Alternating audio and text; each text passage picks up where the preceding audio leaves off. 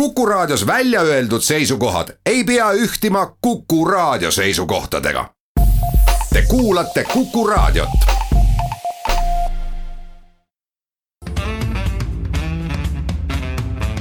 muuli ja Riikoja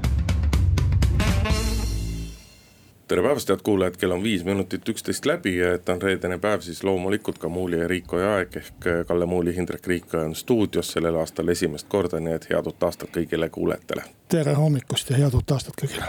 alustame tänast saadet, eks see nädal on olnud, ütleme suhteliselt teemadevaene, et aastavahetus on sellele oma pitseri pannud, aga alustame siis uudisega, et esimest korda taasiseseisvunud Eestis ei lähe peaminister ehk praegu Jüri Ratas presidendi ehk praegu Kersti Kaljulaidi vabariigi aastapäeva vastuvõtule. no kui peab uue aasta puhul kogu aeg ütlema esimest korda, siis ma ütleks, et teiseks teemaks räägime sellest, et esimest korda Eestis juba kolmandat päeva Sputnik. Eesti Vene propagandakanal ei lähe eetrisse selle või ei tööta. sellepärast, et äh, Eesti võimud lõpetasid äh, tema tegevuse kuna see on vastuolus, see tegevus on vastuolus Euroopa Liidu poolt äh, kehtestatud sanktsioonidega Postimehes on viimased nädalad olnud küllalt tormilised, lahkunud on mitu juhtivtöötajat ja mitmeid äh, teisi töötajaid, räägime pisut sellest, mis siis Eesti suurimas päevalehes lahti on. ja üheks teemaks võib-olla, et mis äh, järgmisel aastal äh, noh, sagedamini kõneainet pakub, kui nüüd ükskord uue aasta algul on vast, on vast maksuteema. rahandusminister, minister on juba siis jõudnud hoiatada kõiki, et ta kavatseb üles tõsta diislikütuse aktsiisi vähendamise äh, seoses äh, kevadel valitsuse poolt kavandatavate riigi eelarvestrateegia läbirääkimistega aasta tagasi, eelmise aasta esimeses saates tegime mõned ennustused ja Kallel on mitut puhku olnud hea võimalus viidata, et vaat ma juba siis ütlesin ja vaata, Hindrek, sina juba siis ütlesid, nii. see meenutab küll Igor Mangi, kes tagantjärgi selgub, et kõik on õige no vot, aga et oleks Kallel järgmine aasta samamoodi hea viidata ja aasta pärast taas kokkuvõtteid teha, siis teeme saate lõppu ka mõned ennustused. Muuli ja Riikoja. Rahvusringhäälingule antud intervjuust, äh, peaminister Jüri Ratase intervjuust tuli välja, et peaminister küll kavatseb vabariigi aastapäeval ehk kahekümne neljandal veebruaril võtta päevastest üritustest osa, aga õhtul tema presidendi vastuvõtule ei lähe ja meenutades kahekümnendat augustit, kui äh, peaminister ei käinud presidendi Rosiaia vastuvõtul ja vaadates, millised on äh, viimase kuu aja jooksul olnud erinevate Äh, erinevates kohtades erinevad sõnavõtud nii peaministrit presidendi suunas või valitsuste, valitsuse liikmetelt äh, presidendi suunas ja omakorda presidendilt äh, valitsuse suunal, siis ütleme, oli väga kiire tekkima spekulatsioon, et peaminister on solvunud ja sellepärast presidendi vastuvõtule ei lähe. selle taustal oli ka uudis, et esimest korda jäi ära valitsuse ja presidendi ühisu, ühine jõulu, jõululõuna. noh, ütleme, et jah, eks see välja paistab küll vist nii, et tõde vist siiski on see, et äh, peaminister Jüri Ratase jutt sellest, kuidas ta läheb perega puhkusele, vastab tõele ja väidetavalt olla presidendile juba jupp aega tagasi nii-öelda teada antud, et see aasta vist kahjuks niimoodi läheb. noh, eks ära on ju jäänud palju asju Äh, hakkas see ärajäämine pihta ju kahekümne üheksandal aprillil kaks tuhat üheksateist, kui äh, president saabus äh, dressipluusis riigikogusse. Rinna peal kiri, sõna on vaba ja jättis õnnitlemata äsja ametisse astunud valitsuse. päev varem või, või mõni tund varem oli ta öelnud, et nüüd võiks olla sada vihavaba päeva. ja siis selline sümboolne žest riigikogus ja, ja sealt edasi kõik need sündmused, mida sa siis kirjeldasid. et äh, noh, iseenesest ütleme selline peaministri äh, käik, et ta ei lähe nüüd vabariigi aastapäeval presidendi vastuvõtule, on küll enneolematu, ma ei mäleta, et alates üheksakümne kolmandast aastast, kui Lennart Meri seda vastuvõttu hakkas korraldama presidendina, et oleks sellist asja juhtunud. et see on selline tugev poliitiline žest, aga ma liigitaks selle ikkagi äh, rohkem meelelahutusuudiste kilda, et äh, sündmus ise on ju selline, et kas keegi sinna läheb või mitte, isegi kui ta on peaminister, et sellest ei muutu Eesti rahva elus küll mitte midagi. Ja täiesti rahulikult võiks ka sündmuse enda üldse ära jätta, kui, kui, kui mõni teine president peab seda vajalikuks, et ta enam ei korralda sel viisil seda vastuvõttu, siis ei juhtu midagi. et tegelikult on Eesti Vabariigi ajaloos üks president olnud, kes selliseid asju ei korraldanud, see oli Konstantin Päts. tema ajal toimus Kadrioru lossis lihtsalt õhtusöök ei olnud sellist kätlemist, sest televisiooni ei olnud veel no eks see, eks ta peegeldab tervikuna ikkagi jah, seda presidendi ja, ja peaministri ja presidendi ja valitsuse vahelisi noh. konar, konarlikke suhteid, sellepärast et eks sellesama jõululõuna kohta on ju ka öeldud, et. et ega õigupoolest ei tahtnud seda nagu keegi, et presidendi kantseleist pakuti välja kaks, kaks päeva, millal võiks jõululõunat teha minu teada üks nendest päevadest oli neljapäev, mis on teadupoolest valitsuse istungipäev, ehk siis valitsuse istung, valitsuse pressikonverents ja valitsuse kabinetiistung ehk kõike muud kui sobiv päev äh, sellise jõululõuna korraldamiseks. ja väidetavalt olla, oli teine päev olnud reede, mis samamoodi ju nii-öelda, kes teab valitsuse ja, ja Toompea sihukest töögraafikut on nagu kõike muud kui hea päev selle jaoks, et kogu valitsuskabinet korraga kokku saada, et et eh, noh, kumbki pool ei tunne kummagi poole vastu sümpaatiat ja kõik see tegelikult eh, rajab teed sellele, et eh, pooleteise aasta pärast, kui meil taas valitakse presidenti, siis Kersti Kaljulaid suure tõenäosusega kahjuks teiseks ametiajaks Kadrioru kassi ei ole no ma ei tea, kas kahjuks või õnneks. see sõltub, sõltub jah, kuskohast nagu vaadata, mina laias laastus ikkagi presidendist pean lugu. et eh, eks eh, ennegi ole olnud, et valitsuse ja presidendi suhted on, on kehvad, aga me peame noh, hindama seda, et kuidas üks või teine institutsioon sellises olukorras käitub. ja, ja siin on üks väga suur vahe. Eh, peaminister on teinud küll selliseid poliitilisi žeste, et ta on jätnud sinna või teise kohta minemata presidendi kutsel aga ta ei ole öelnud presidendi kohta ühtegi halba sõna. ta ei ole öelnud, et president on ohuks Eesti julgeolekule. ta ei ole öelnud, et president on ohuks Eesti põhiseaduslikule korrale, mitte ühtegi halba sõna. isegi sedasama minemata jätmist ta põhjendab sellega, et ta läheb perega puhkusele, ta ei ütle, et tal, ta talle president ei sobi või, või mis iganes, et või presidendi sõnad või käitumised ei ole sellised, et kohaseks. Eesti on parlamentaarne riik ja kõige suurema võimuga poliitilise võimuga isik on siin peaminister.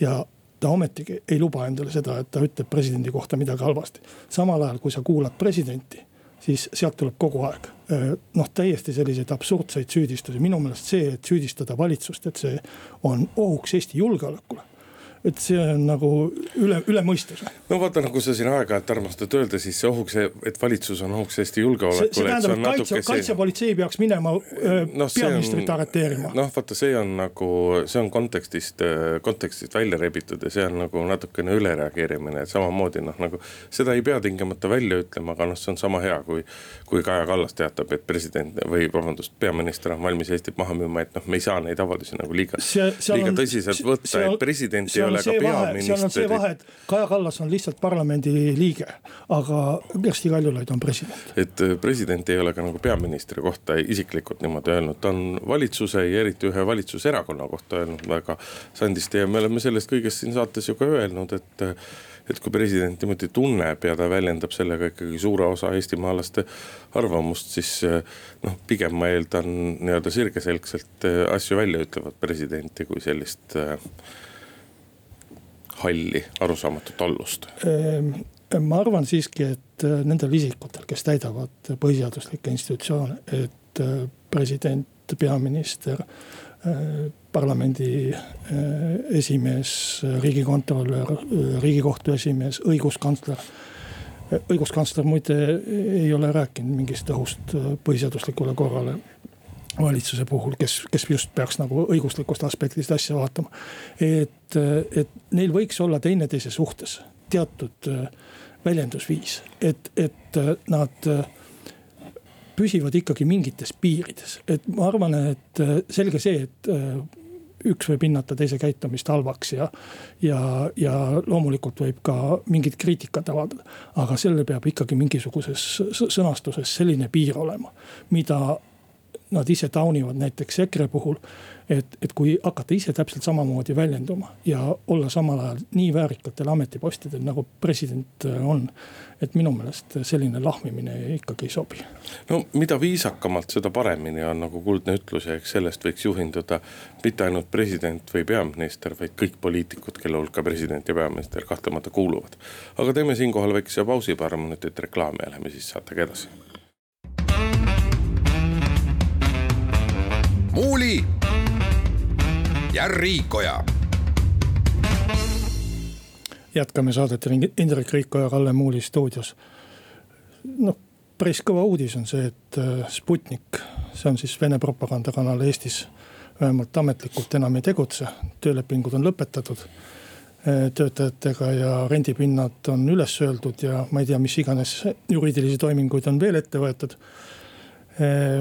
ja põhjuseks siis see, et äh, Sputniku emafirma või kuidas seda peaks ütlemagi.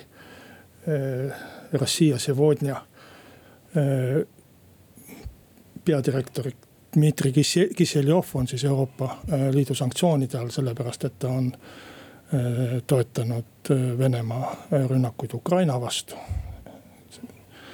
ja, ja põhjuseks ja siis sulgemispõhjuseks ei ole mitte sugugi see propaganda, mida Sputnik on edastanud, vaid just nimelt äh, sanktsioon on siis leitud äh, ettekäändeks ja, ja ma arvan, et selles mõttes tuleb äh, sellele valitsusele, kellest me äsja rääkisime, et ta on Eestile suureks julgeolekuohuks presidendi arvates. tuleks nagu tunnustust avaldada, et ta ühe asja, mis tõesti on Eestile suureks julgeoleku, julgeolekuohuks on äh, siis ära lõpetanud lõpuks ometi. mulle meeldiks muidugi Eestis siiski mõelda pisut rohkem äh, ja pisut paremini ja, ja ma nüüd ei tahaks öelda, et äh, Sputnik on suureks julgeolekuohuks Eestile. aga see, et ta nagu kinni pandi, noh, mul oleks veel rohkem veel rohkem meeldinud, kui Eesti oleks nii-öelda nagu siseriiklikult leidnud endas seda meelekindlust, seda, seda seda julgust see asi nagu ära teha, et praegu see tehti ära nii-öelda viidates Euroopa Liidu sanktsioonidele. et mis meil siin ikka teha, kui Euroopa Liit meid niimoodi käseb. et, et, selles mõttes äh, võiks Eesti ise olla nagu resoluutsem. teisest küljest jälle võiks nagu öelda noh, ma ei oska öelda, kas nüüd, kas õige väljendus on, oleks midagi ka Sputniku kaitseks, aga aga, aga asja võiks vaadata nagu ka selle poole, selle nurga pealt, et kas me tõesti peame enda riiki nii nõrgaks, enda kodanikke nii rumalaks, et me peaksime kartma sellist asja nagu Sputnik, noh tegemist ei ole ju mingisuguse nii-öelda pehme mõjutuse, varjatud propaganda või millega iganes, et tegemist on sulaselge propagandaga, tõesti lihtsalt propagandakanaliga. ja absoluutselt kõik, nii need, kes seda ei loe, kui ka need, kes seda loevad, need ju teavad seda. Et võib-olla me võiks oma inimestesse ja ma ei pea siin silmas mitte ainult eestlasi, vaid kõiki Eestis elavaid inimesi. võib-olla me võiksime uskuda nendesse nii palju, et nad ikkagi suudavad valdavalt ise vahet teha sellel ja suudavad ise aru saada noh, Eesti paikneb äh, sõnavabaduse poolest maailmas mingis reitingus üheteistkümnendal kohal. ja ma arvan, et äh, kui me tahame seda kohta hoida, siis me ei tohiks minna sellele teele, et me hakkame äh, mis tahes meediakanaleid, olgu nad nii selge propaganda või nii neutraalsed kui on hakkame neid hindama selle eesmärgiga, et kas nad võiksid tegutseda või ei võiks tegutseda. kui meie põhiseaduses ja, ja kõikides muudes dokumentides on kirjas ajakirjandusvabadus ja sõnavabadus, siis äh, taeva pärast. käskigu kasvõi Vene keisririik siin taastada. Nad võiksid, ma arvan, Eesti riigi poolest eetris olla ja, ja oma sõnumit levitada, ükskõik äh, äh, mis, mis see sõnum siis ei ole. et selles mõttes, kui me hakkaksime hindama niiviisi, et see on nüüd propaganda, selle paneme kinni. see on vähem propaganda, see võiks natukene lahti olla ja, ja, ja, ja kõik peaksid arvestama sellega. kõik kanalid, kaasa arvatud Eesti peavoolumeedia kanalid. et kui, kui nad riigivõimule ei meeldi, kui, kui ma ei tea, kaitsepolitsei, kelle iganes hinnangul on nad Eesti riigile ohuks et, et siis nad suletakse. ma arvan, et see on, see on vastupidi, see on täiesti vale, et, et siis me hakkaksime enda demokraatiat ja vabadust piirama. ja, sellepärast, et aluseks on just nimelt sanktsioon. selle väljaande peadirektori vastu. et see on väga õige sulgemisalus ja, ja, ja me ei ole läinud seda libedat teed, et hakkame valima, kes võib eetris olla ja kes ei või. noh jah, vot äh, siin on nagu see küsimus, et äh, et kuhu kohta nagu need, et kuskohast need piirid jooksevad, et kuskilt ju ikkagi siiski jookseb ka see piir, et, et sõnavabadus on äh, sõnavabaduse eest seismine on tore ja on, ja on õige, aga noh, kuskilt kohast jookseb ju siiski. Eesti nagu seadused on piir, Eesti seadused on piir, sa ei tohi vägivalda õhutada, sa ei tohi õhutada vägivaldsel teel riigikorda muutma. see on seadustega keelatud, see ongi piir, Eesti on õigusriik, ma ütlen, ma ei tea, mitmekümnendat korda siin eetris. et seadus ja õigus on piir, aga ei saa olla nii, et tänane, tänasele valitsusele ei meeldi võib-olla üks propaganda aga tuleb järgmine valitsus ja sellele ei meeldi võib-olla uued uudised, paneme selle kinni, see on ka päris vastik propaganda, eks ole. et see on väga libe tee ja sellepärast ma arvan, et, et Eesti valitsus on teinud äh, päris õigeid otsuseid, et äh, niikaua kui, kui Sputniku probleem oli ainult see, et ta ajab meile ebameeldivat juttu nii kaua võis ta tegutseda, sest äh, mis teha. no kahjuks jah, ei ole nii-öelda rumalusele head mõõdupuud välja mõeldud või vähemasti sellist mõõdupuud, millest nagu kõik inimesed ühtemoodi aru saaksid, sest et noh, kui me räägime uutest uudistest või veel mingit.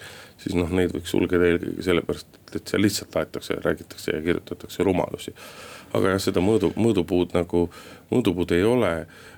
oluline on just silmas pidada seda, et nii-öelda inimeste tervesse mõistusesse tasub nagu uskuda, et, et inimesed tegelikult saavad aru ja kui me sellele samale Sputnikule mõtleme, see on teatud mõttes nagu oli Tallinna Televisioon, mis ka eelmise aasta sügisel oma eksistentsi lõpuks ometi lõpetas, et, et justkui nagu tehakse.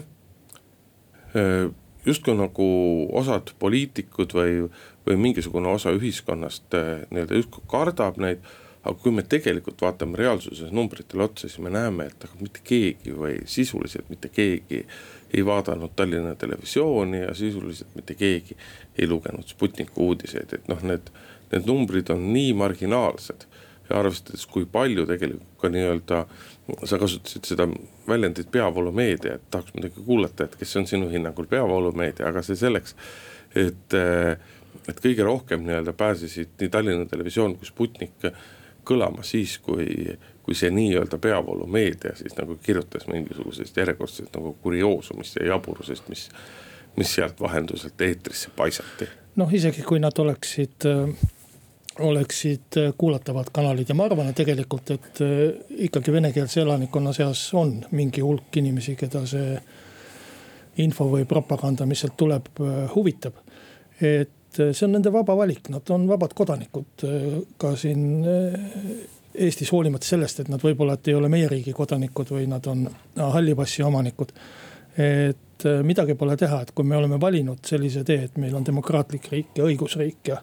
ja, ja vabaduste riik, siis me peame selle, selle ära kannatama ja ma arvan, et äh, eks siis tuleb teistsugust propagandat vastu seada ja, ja oma riiki teistmoodi kaitsta. aga me ei saa kaitsta Äh, omaenda kodanike õiguste äh, kärpimise teelt seda. üks asi on äh, nii-öelda see propaganda ja, ja selle Sputniku sulgemise puhul muidugi kahju on sellest, et ei ole saladus, et siinsed muukeel, siin elavad venekeelsed inimesed, peamiselt nad elavad ikkagi nii-öelda Venemaa inforuumis järgi, jälgivad sealseid sealseid telekanaleid, teatud määral nii-öelda ajalehti sealseid, samamoodi online uudiseid et ega Sputniku sulgemiseks kahjuks see nii-öelda propaganda iseenesest ei kao nende inimeste elust nagu mitte kuhugile ära, sellepärast et. suur osa ka Sputniku sisust oli ju tegelikult seesama sisu, sisu, mida sa, mida sa võid näha nii-öelda päevast päeva Vene suurte, suuremate telekanalite uudisvoos ja. ja samamoodi ka Venemaalt, Venemaalt toodetavates online kanalites, et siin on noh, on olemas Eesti poolt Delfi, on olemas Postimees venekeelsena on olemas Rahvusringhääling. Äh, aga nii-öelda võrreldes Venemaal toodetud meedia tarbimisega on, on nad ikkagi nii-öelda tagaajajad. otse loomulikult, mis keelamisse veel puutub, siis ega tänapäeval ei olegi nii lihtne neid asju keelata, et sa võid tõesti selle kontori kinni panna.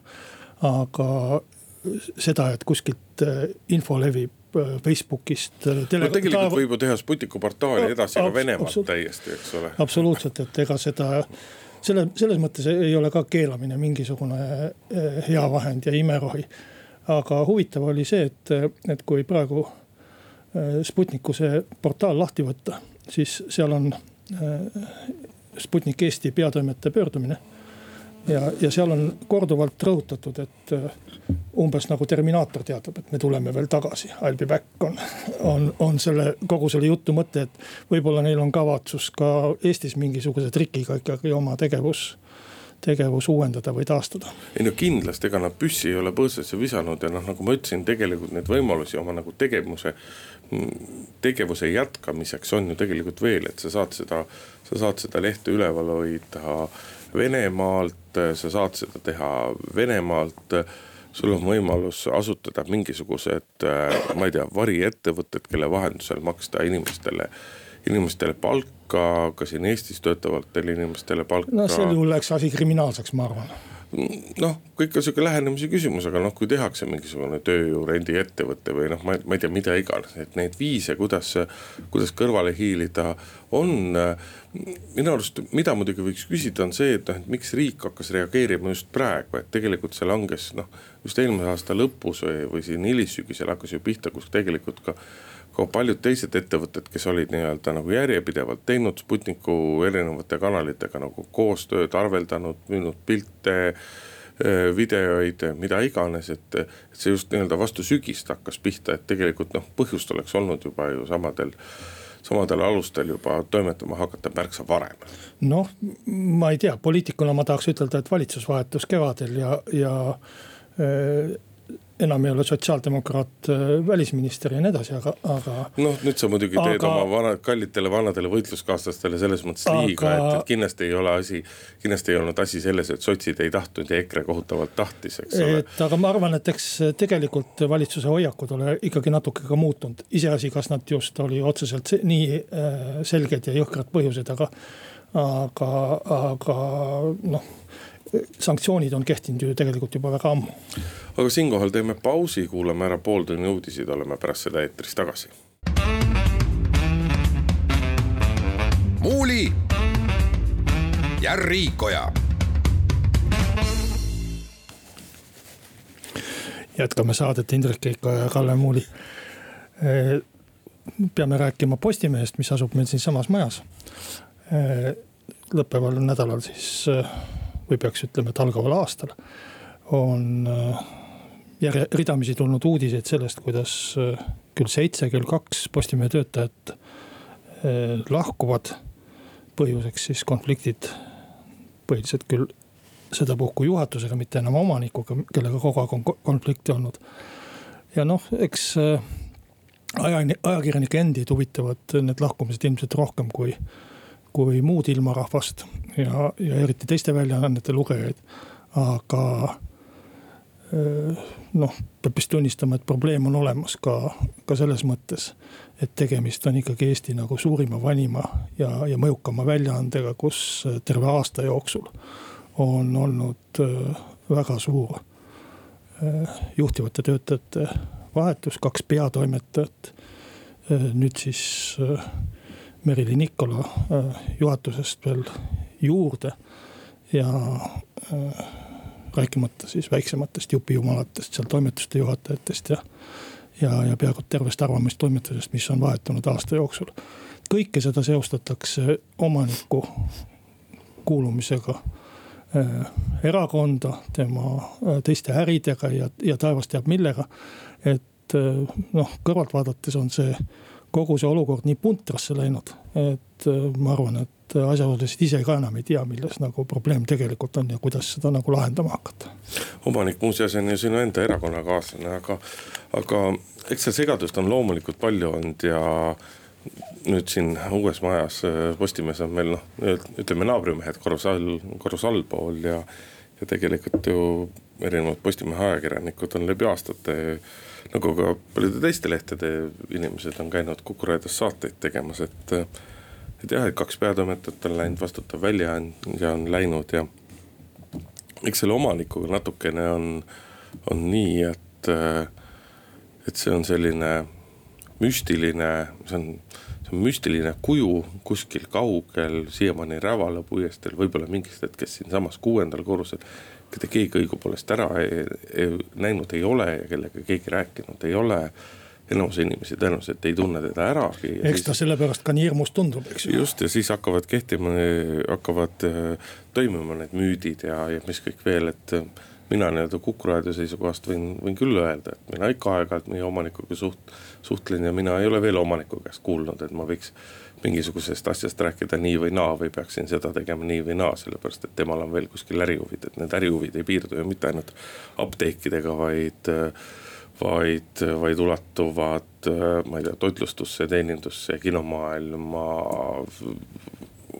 arvutimängudesse ja ma, ma ei teagi veel kõik, kuhu kõikjale veel, eks ole, liha tootmisesse ja nii edasi, et et ütleme, et kui, et kui see kõik oleks nii nagu, nagu kirjeldatakse, et omanik dikteerib, mida tema asjade kohta tuleb öelda, siis.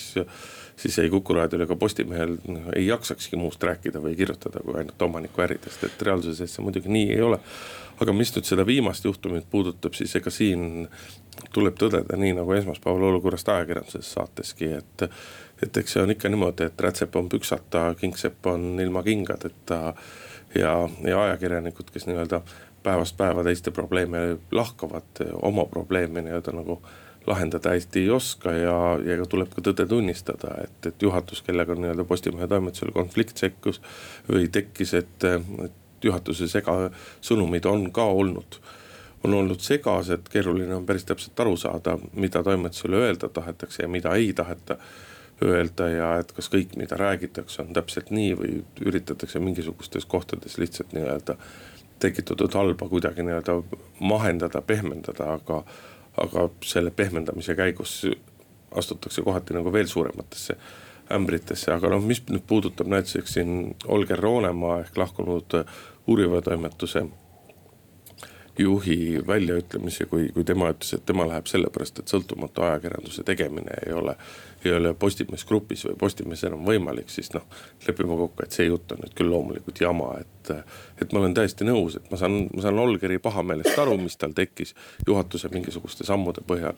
et ja, ja see pahameel, ma arvan, oli paljuski täiesti õigustatud, aga hakata selle põhjal nüüd tegema järeldust, et siin majas sõltumatut ajakirjandust ei saa teha, on nagu pehmelt öeldes jama. noh, kui seda hakkame väiksemast otsast pihta seda konkreetset äh, konflikti nüüd vaadata. mille peale siis uurimistoimetusest ja lõpuks ka arvamustoimetusest inimesed läksid, et äh, ma sellest ajakirjanike vaatest saan väga hästi aru.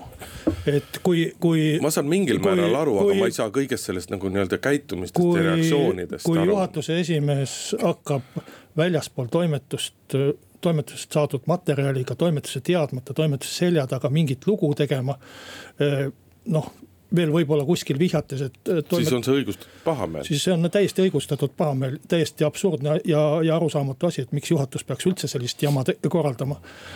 et noh, iseküsimus on see, et kas selle peale peaks nüüd äh, ilmtingimata lahkuma või saaks seda asja ka kuidagi teistmoodi klaarida. mulle tunduvad need lahkumised alati kuidagi, kuidagi natuke sellised äh, lõplikud, fataalsed ja võib-olla, et äh, emotsionaalsed või kiirustamisi tehtud otsused, et enamasti saab ju asju ikka inimese moodi rääkida, vähemalt kujutan ette, aga ma ei viibi seal inforuumis, nii et mul võib täiesti vale, vale ettekujutus olla. et see on selline üks asi, kus ausalt öeldes mina küll ei näe, kuidas, mida, mismoodi see oma, omanik sinna asjasse puutub, et kogu aeg on räägitud omanikust ja. ja kui ma seda omaniku asja veel vaatan, siis Postimeest ennast, siis mis sellest omanikust on sinna Postimeesse tekkinud, on üks kiri eh, Postimehe logo all seisame eesti kultuuri ja, ja keele ja, ja mis asjade eest seal kõik. ja, ja on tekkinud siis äh, Postimehe vahele see äh, Meie Eesti äh, vaheleht. et ma ei saa ka sellest aru, et mis sellest nii kohutavat katastroofi nüüd Eesti ajakirjandusel. no ma võin sulle siiski veel öelda, mida Postimehe. Postimehe vahel on olnud igasuguseid muid asju, mis on palju hullemad kui see meie Eesti igasuguseid poolreklaami väljaandeid ja, ja noh, aegade jooksul. ma ei, ma ei väida nüüd, et eile või üleeile, aga et. Hiina Rahvariigi, Vabariigi. kui ma vaatan sellise lugeja, lugeja pilguga, siis mina küll ei ütleks, et see Postimees oleks nüüd ütleme lõppeval või möödunud, möödunud aastal olnud kohutavalt apteegide poole kaldu või, või mingite muude linnamäride poole kaldu või, või oleks ta kohutavalt mõne erakonna poole kaldu olnud ma ei tea, võib-olla ma olen poliitikas sees ja, ja võib-olla ei ole ka väga, väga hoolikas ja tähelepanelik lugeja. aga mu meelest on Postimees nagu Postimees ikka, et ei ole seal midagi hullu olnud. ja, ja noh. tead, eks seal vaata vahel on natukene seda, et, et meeletus soovis äh, tõestada oma sõltumatust, pingutatakse sellega nagu rohkem üle. Et, et ma tahaks öelda, et, et, et, et, et, et head kolleegid, rohkem enesekindlust. et noh, mis, mis võib-olla tundub kõrvalt, on see, et see kogu see ülesehitus on kohutavalt segaseks aetud, et kui ma võtan kasvõi Postimehe veebi ja mul on seal kõrvuti mingisugune tõsine analüüs ja siis on, on veel üks analüüs, kus, mille pealkiri on see, et Äh, Igor Mangi äh, ennustuste. no neid asju sa tegelikult enam muidugi ei leia nii-öelda kõrvuti seisvana. ma kirjutasin sulle, sulle täna hommikul välja just sealt ja see oli ikka päris, päris kole, mis seal oli. no nii, mis sa kirjutasid mulle välja? et äh, ma proovin siin nüüd käigu pealt üles leida, aga näiteks selline asi keset lehte peaaegu, analüüs, suur lugu kui täpselt suutis Igor Mang prognoosida kahe tuhande üheksateistkümnenda aasta Eesti poliitmaastiku toi-, toimet ja kak-, kakelusi? Numeroloogiline horoskoop aastaks kaks tuhat kakskümmend, milline saatus on kirjutatud su elutee numbritesse no, no aga vaata, see oli, sa leidsid selle eraldi rubriigi koha pealt, eks ole. see oli praktiliselt teiste uudiste vahel, sinna oli tõesti väikselt kirjutatud peale sõbranna. aga mida see mulle ütleb, kas see on naiste alavääristamine sel juhul, et sellist äh, materjali pakutakse just nimelt äh, sõbrannadele, aga mitte sõpradele. või, või, või mida see peaks tähendama, aga noh, ma ei taha sellesse laskuda. Äh, see, see, sellist jama on kõikides veebiportaalides peale Rahvusringhäälingu oma. nüüd sa muidugi teed teistele portaalidele selles mõttes liiga, et kui sa vaatad Rahvusringhäälingut, siis ka sealt leiab äh, suhteliselt nii-öelda madalakvaliteedilist meelelahutust üksjagu palju, et, et sellest ei ole prii enam ka mitte Rahvusringhääling. no sel juhul on see väga kurb, aga äh, minu soovitus on küll see, et äh, tegelikult tuleks taastada selline normaalne klassikaline ajakirjand- äh,, ajalehe juhtimise skeem, kus palgatakse äh, üks korralik kogenud peatoimetaja, kellele antakse suured volitused, suur autonoomia, kellega lepitakse omaniku ja juhatuse esimehe tasemel kokku äh, üldsuunised. paar-kolm lauset on see ainult ausalt öeldes. et äh, ja, ja, ja lastakse tal lehte teha ja see olukord niiviisi maha rahuneda, et, et ma, ma nagu mingit muud tragöödiat seal küll ausalt öeldes ei näe. no selgelt on vaja uut peatoimetajat võimalikult ruttu, aga teine asi muidugi, millele Postimees peab mõtlema, on ka see, et, et kui kui vaadata nii-öelda Postimees, Postimees Grupi ehk siis katusorganisatsiooni, kuhu hulka ka raadiod kuuluvad, sealhulgas ka Kuku raadio nii-öelda majandustulemusi, siis eh, eelmisel majandusaastal, mis tõsi küll kestis, kestis kuusteist kuud oli kahjum üheksa miljonit ja see kahjum tuleb valdavalt Postimehest ja, ja telekanalitest. ja nüüd me küsime, et kust te leiate veel sellise omaniku, kes on valmis selleks, et Eesti rahvas saaks Postimeest lugeda ja Postimehe ajakirjanikud saaks oma tööd teha, maksma üheksa miljonit iga aasta.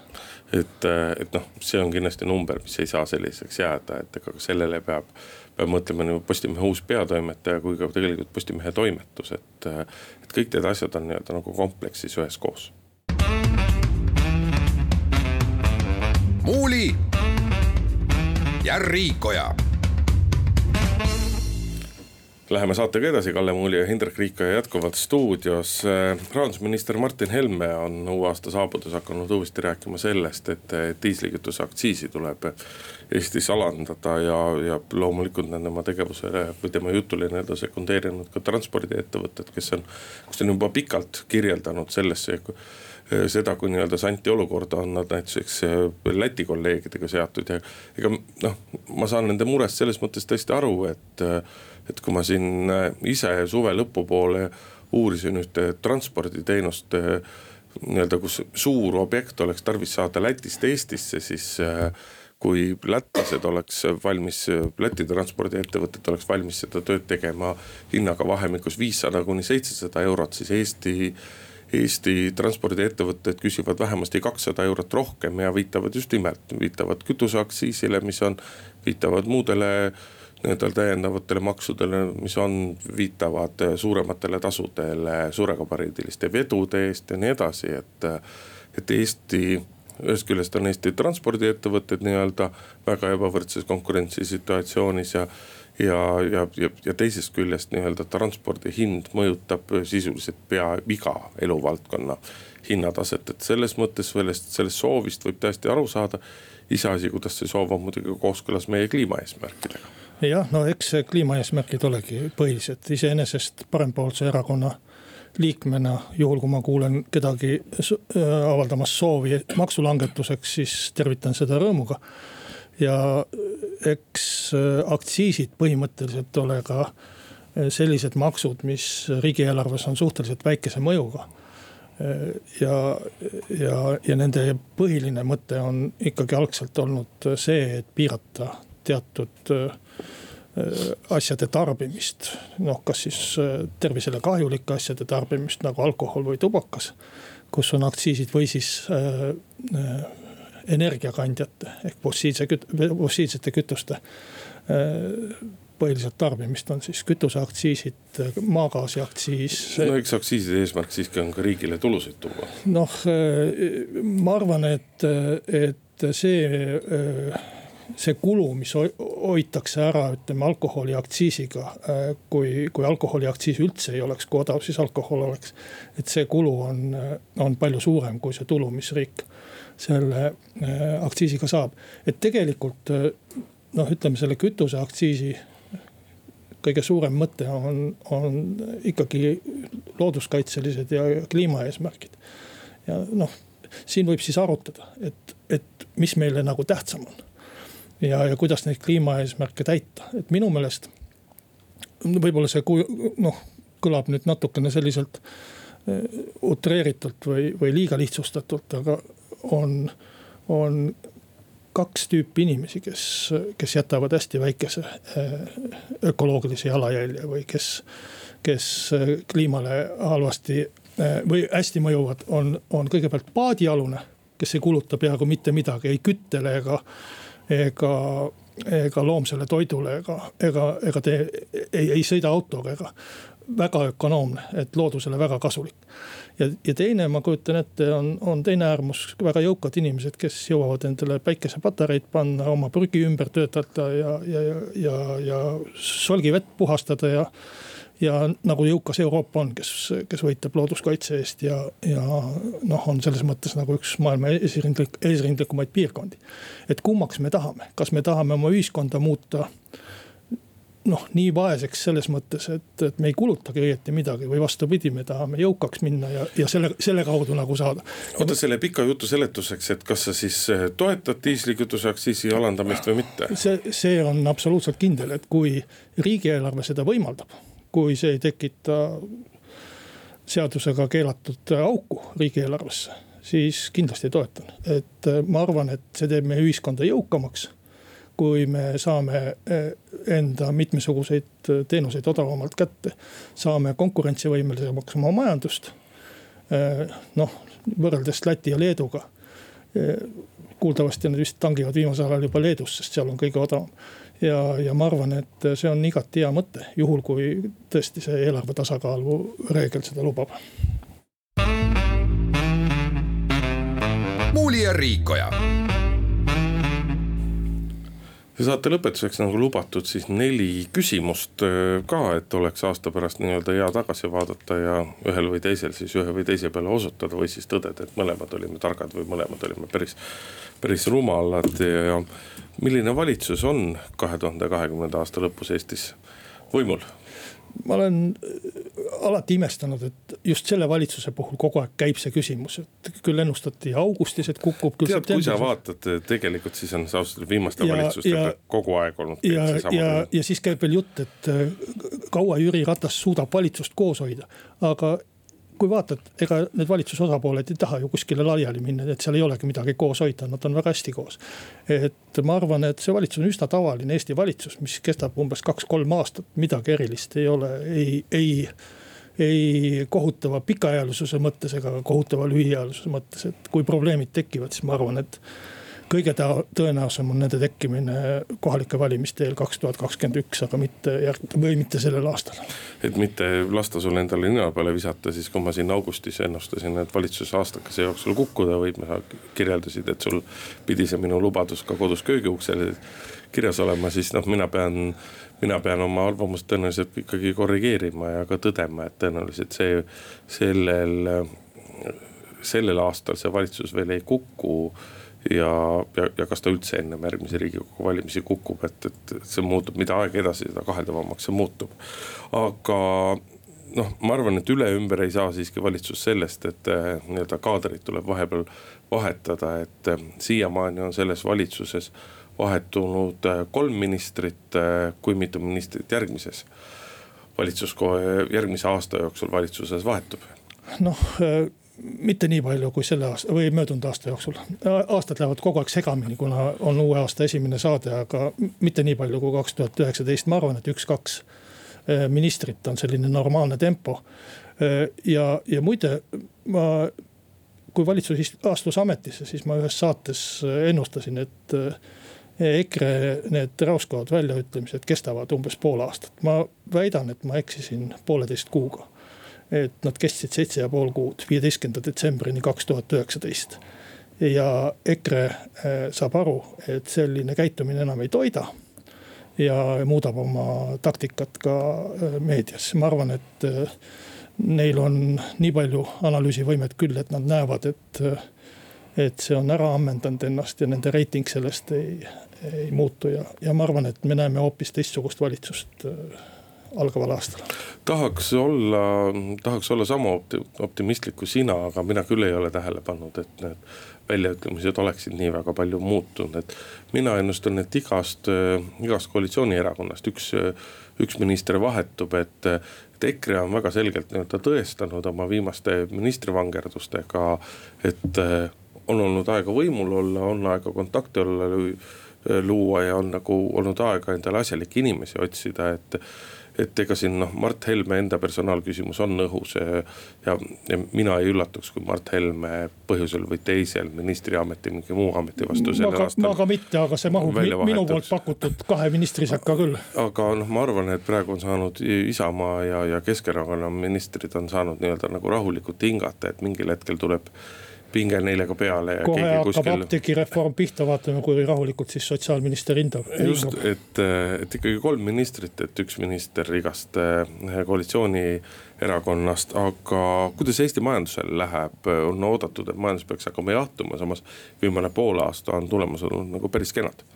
ma arvan, et majandusel läheb jätkuvalt hästi, niikaua kui trükitakse raha juurde Euroopas ja Ameerikas niikaua kui Donald Trump kandideerib Ameerika presidendiks. ja, ja, ja mitmesugused sellised muud eh, positiivsed asjad on maailmas toimumas. Eh, ma ei näe seda ohtu, et kõik nüüd päevapealt kokku kukub ja, ja jahenemise juttu täpselt samamoodi on ju räägitud juba aastast kaks tuhat kuusteist ja midagi ei ole juhtunud. ma arvan, et rahatrükk on põhjalikult muutunud, muutnud kogu seda majanduspilti ja sellist. noh, ega krahhi ei ole kunagi ette nähtud, aga, aga ma ei näe vähemalt kaks tuhat kakskümmend seda. no mõni mees siiski mõnda krahhi on ette näht-, ette näinud, et, et jätkub selline stabiilsus, väga suuri muudatusi võrreldes eelmise aastaga tulema ei saa, aga aga kindlasti tekib see, kus numbrid justkui näitavad nagu asjad oleksid ilusad, aga. kolm protsenti kasvu teeme ikka ära. aga selline nii-öelda tunnetuslik äh, olukord, mis puudutab reklaamimaailma ja kõike muud sellist, et, et see tunnetuslik äh, olukord nii-öelda pisut võib-olla läheb hõredamaks, aga eks siis paistab, vaatame aasta pärast, mis sellest saanud on, tänasele saatele tõmbame joone alla. Kalle Muuli, Hindrek Riiko olid stuudios ja nädala aja pärast kuuleme jälle. muuli ja Riikoja